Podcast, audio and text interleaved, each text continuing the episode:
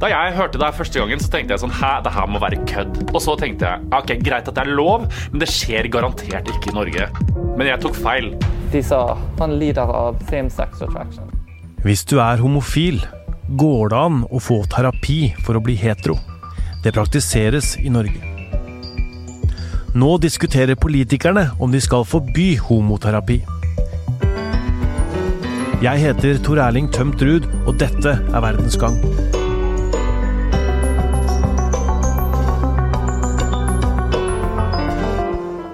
Ok, uh, Morten. Uh, Morten Hegseth. Du er uh, programleder her i VG. Podkaststjerne, TV-stjerne, kjendis. Altså, deilig intro. Hadde jeg hørt det der for ti år siden, så hadde jeg sagt yes, jeg fikk det til! Ikke sant? Mm. Nå har du laga en serie om homoterapi. Ja. Hva er det? Det er noe eh, mye viktigere enn det jeg pleier å jobbe med. Det er liksom deilig å skifte fokus fra liksom rumpa til Sofie Elise til eh, noe som faktisk betyr noe. Fordi i Norge i dag Jeg visste ikke at det var lov. Det er jo Benjamin Ree som er produsent og eh, hjernen bak, eh, som har lagt Magnus Carlsen-filmen og bare er generelt det smarteste mennesket jeg veit om. Som fortalte meg at i Norge i dag så er det lov til å behandle humor. Det vil si at eh, vi har ikke noe lov som forbyr folk å eh, sitte med folk og prøve å gjøre de til hetero. Og Det her skjer jo i forskjellige former. Det skjer enten i form av det altså, Det som er litt problemet med meg, er at jeg, grunnen til at jeg ikke vet, visste at det eksisterte, er fordi at det finnes så ekstremt mange forskjellige navn på det. Noen sier Vi kaller det trosbekreftende sjelesorg. Det er egentlig bare en sean- terapiseanse der målet er å gjøre en homo frisk. Eh, noen, altså det det fins i form av homoeksorsisme, der folk legger de på bakken og drar liksom homofile demoner ut av kroppen.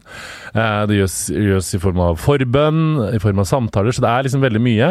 Men det er ingen lover som regulerer i Norge i dag at det ikke er lov til å behandle folks seksualitet. Og det er det som er greia, er at EU, så EU EU-parlamentet har gått ut og anbefalt, anbefalt liksom veldig mange land til å gjøre det her kriminelt. Så Malta og England er i prosess, tror jeg. Eh, Irland er i prosess. Eh, så det er veldig mange som holder på å gjøre det forbudt. Men i Norge i dag så er det fremdeles lov, så vi vil se liksom nærmere på det her fenomenet, hva det faktisk er. Hvilke, hvilke konsekvenser det har. Hvem som gjør det, og hvem liksom det har skjedd med. Og det her skjer jo ikke bare i kristne miljøer, det skjer i muslimske miljøer, det skjer hjemme hos familien, så det skjer overalt. Men det skjer fremdeles nå. Vi har en person med i dokumentaren som heter Arne Christian, eh, som Jeg ble veldig sterkt berørt av hans historie. Det ble jeg på alle historiene. Han har jo blitt sendt på han ble sendt på sånn gaycamp, og det føler jeg på en måte er liksom selve karikaturen på liksom homoterapi. Og kone og barn. Så da tenkte jeg jeg, jeg, må, jeg må bli frisk. Jeg, hører du ordene mine? Jeg må bli frisk først. Jeg sier det fortsatt. Det er sånn som da. Ja. At jeg følte da jeg måtte snu følelsene. Jeg måtte, jeg måtte få ting på riktig spor før jeg kunne gå i forhold og få kone og barn. Han ble sendt på en gaycamp i Norge, eh, hvor liksom målet var å gjøre han hetero. Og han ble sendt på en litt lengre sånn gaycamp i London, som heter for Healing Week. Eh, som jo er et sted de behandler ikke bare liksom homser. Så for meg det hvis de hadde sendt masse homser dit, og alle skulle kureres, og så ble lyset slått av, og så lå alle sammen sammen. Nei da. Eh, eh, men, altså men man må jo le litt, for det er jo på en måte Det er jeg, Som liksom eh, ikke-kristen, og som ikke veldig troende, og som en som ikke har veldig mye problemer med min egen seksualitet, så er det altså Det er jo tendens til liksom at det er nesten som en sketsj. Uh, men det, det skjer, og det er liksom Som Arne Kristian fortalte oss. Du kom dit, uh, noe med behandlingsformen var sånn Du måtte gjøre gutteaktige ting.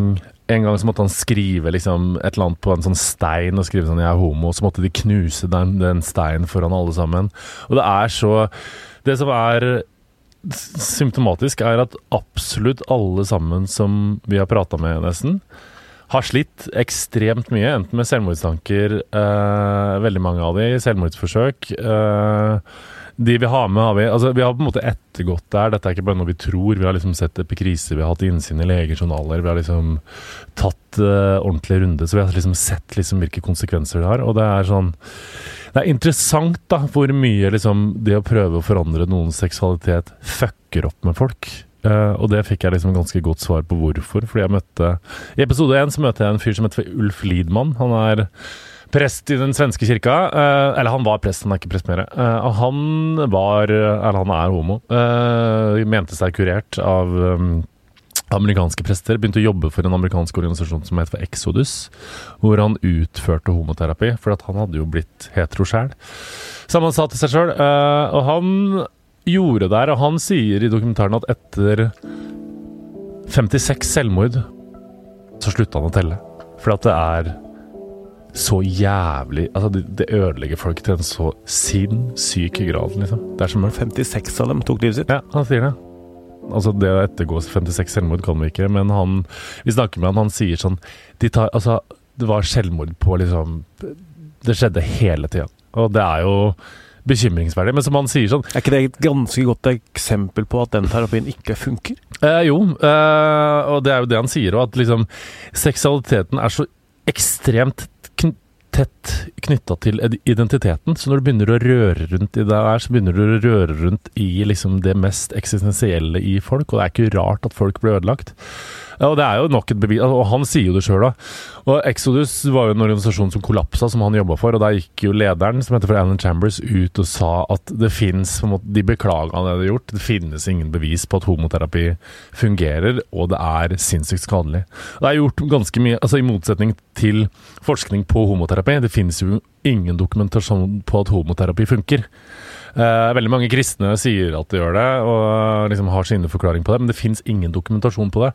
Men det fins ekstremt mye forskning som sier at det her er så skadelig, og det øker faren for selvmordstanker. Eh, det øker faren for selvmord, depresjoner og angst. Og det er jævlig farlig opplegg, altså. Men, men det, det, foregår i Norge? Når jeg hørte om det, er sånn Ja, greit, vi kan lage en dokumentar på det, men det her er sånn fucked up shit som man ser på sånn TLC-programmer, på en måte, eller America's Most Hated Family, der det står noen sånn shit crazy kristne familier og liksom bare er litt sånn sirkus. For jeg kan se for meg at hvis jeg hadde blitt utsatt for det eh, motvillig eh, Jeg har liksom nesten vært litt sånn usjarmerende fornøyd med at jeg er homo. Aldri hatt noe problem med det og er veldig glad for det. Eh, at jeg slipper å sitte og se på bit for bit hver jævla helg med tre unger og stakittgjerde og kjenner meg i hjel. Det er liksom det verste? Nei, nei, jeg gjør jo det òg. Eh, men jeg er glad at jeg kan kombinere det med litt glitter og uansvarlighet og eh, litt andre gøye ting. Ikke at det er verre å være homo også. Men jeg er veldig eh, glad Jeg er veldig glad Jeg har ikke hatt noe problem med min nei. egen seksualitet. Nei.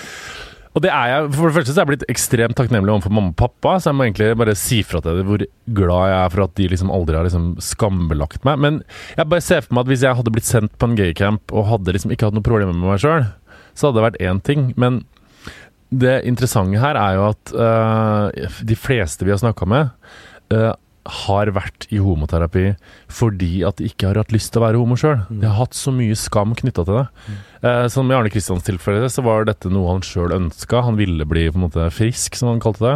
Eh, den anonyme kilden vår ville bli frisk. Alle de vi har snakka med som ikke er med i dokumentaren, ville det samme.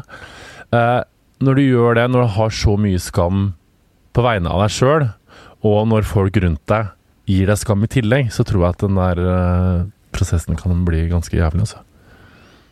Jeg blir så lei meg av det, fordi det er liksom Jeg syns så synd på dem. Uh, og det, liksom, det, kjenner jeg liksom har krevd Altså, jeg kjenner at det har liksom vært ganske tungt, men jeg har blitt veldig glad i de folka. Jeg, liksom, jeg gleder meg til å møte dem på tirsdag, liksom henge med dem. Og da skal vi på høring på Stortinget, for det er høring til lovforslaget om en eventuell kriminalisering nå førstkommende tirsdag. Vi, vi, kommer til det. Ja. Uh, for, for, for um 10. Eh, november mm. er denne høringen. Uh, ja. Er det på, tirsdag? Nei, nei, nei. nei, nei det, 10. desember. Sorry. sorry. Høringen er nå. 10. desember skal Stortinget stemme over dette lovforslaget om å forby homoterapi i Norge. Ja. Hvordan tror du det går? Uh, jeg er ikke veldig positiv uh, til at det blir kriminalisering, fordi uh, hvis man ser episode én, så møter jeg jo Erna, som jo er Norges mektigste kvinne som sier at hun er skeptisk til et forbud. Uh, Fordi ja. hun mener det går på, på, på, bekostning av religionsfrihet eller trosfrihet? Ja, jeg anbefaler alle å se episode én. Uh, ender jo med at jeg blir ganske så hissig. Um, fordi jeg var på åpninga av Pride hos statsministerens bolig. Der, det er veldig mange måneder siden. Der spurte folk sånn Jeg spurte liksom Jeg spurte Ropstad, jeg spurte Trine Skei Grande, jeg spurte liksom hva de tenker om det. Alle var liksom Nei, du, dette er et hei... Altså, jeg er i utgangspunktet skeptisk, men jeg tør ikke uttale meg før liksom dette har vært diskutert i partiet. Bla, bla, bla. Dritkjedelig politikersvar. Når homoterapi diskuteres i dokumentarserien, er et av argumentene mot et forbud at det ikke vil stoppe bruken av homoterapi, fordi menigheter vil fortsette å praktisere terapien bak lukkede dører. Og det får stortingsrepresentant fra Arbeiderpartiet, Anette Trettebergstuen, til å reagere. Um, det er ingen som sier eller tror at et forbud gjør at dette her kommer til å slutte å skje. Men i dag er det lov. Disse religiøse lederne og disse personene kan gjøre det i dag og tenke at dette er greit at jeg gjør. De ungdommene som blir utsatt for det, vet at det er lov. Og sånn kan vi ikke ha det i Norge i dag. Men det skjer i religiøse miljøer.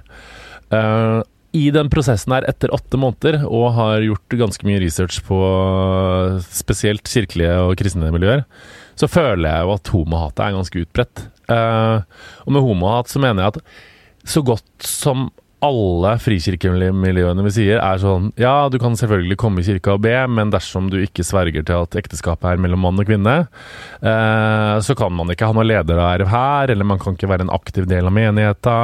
Eh, er du homo, men du ikke klarer å bli frisk, så er det eneste alternativet å være enslig.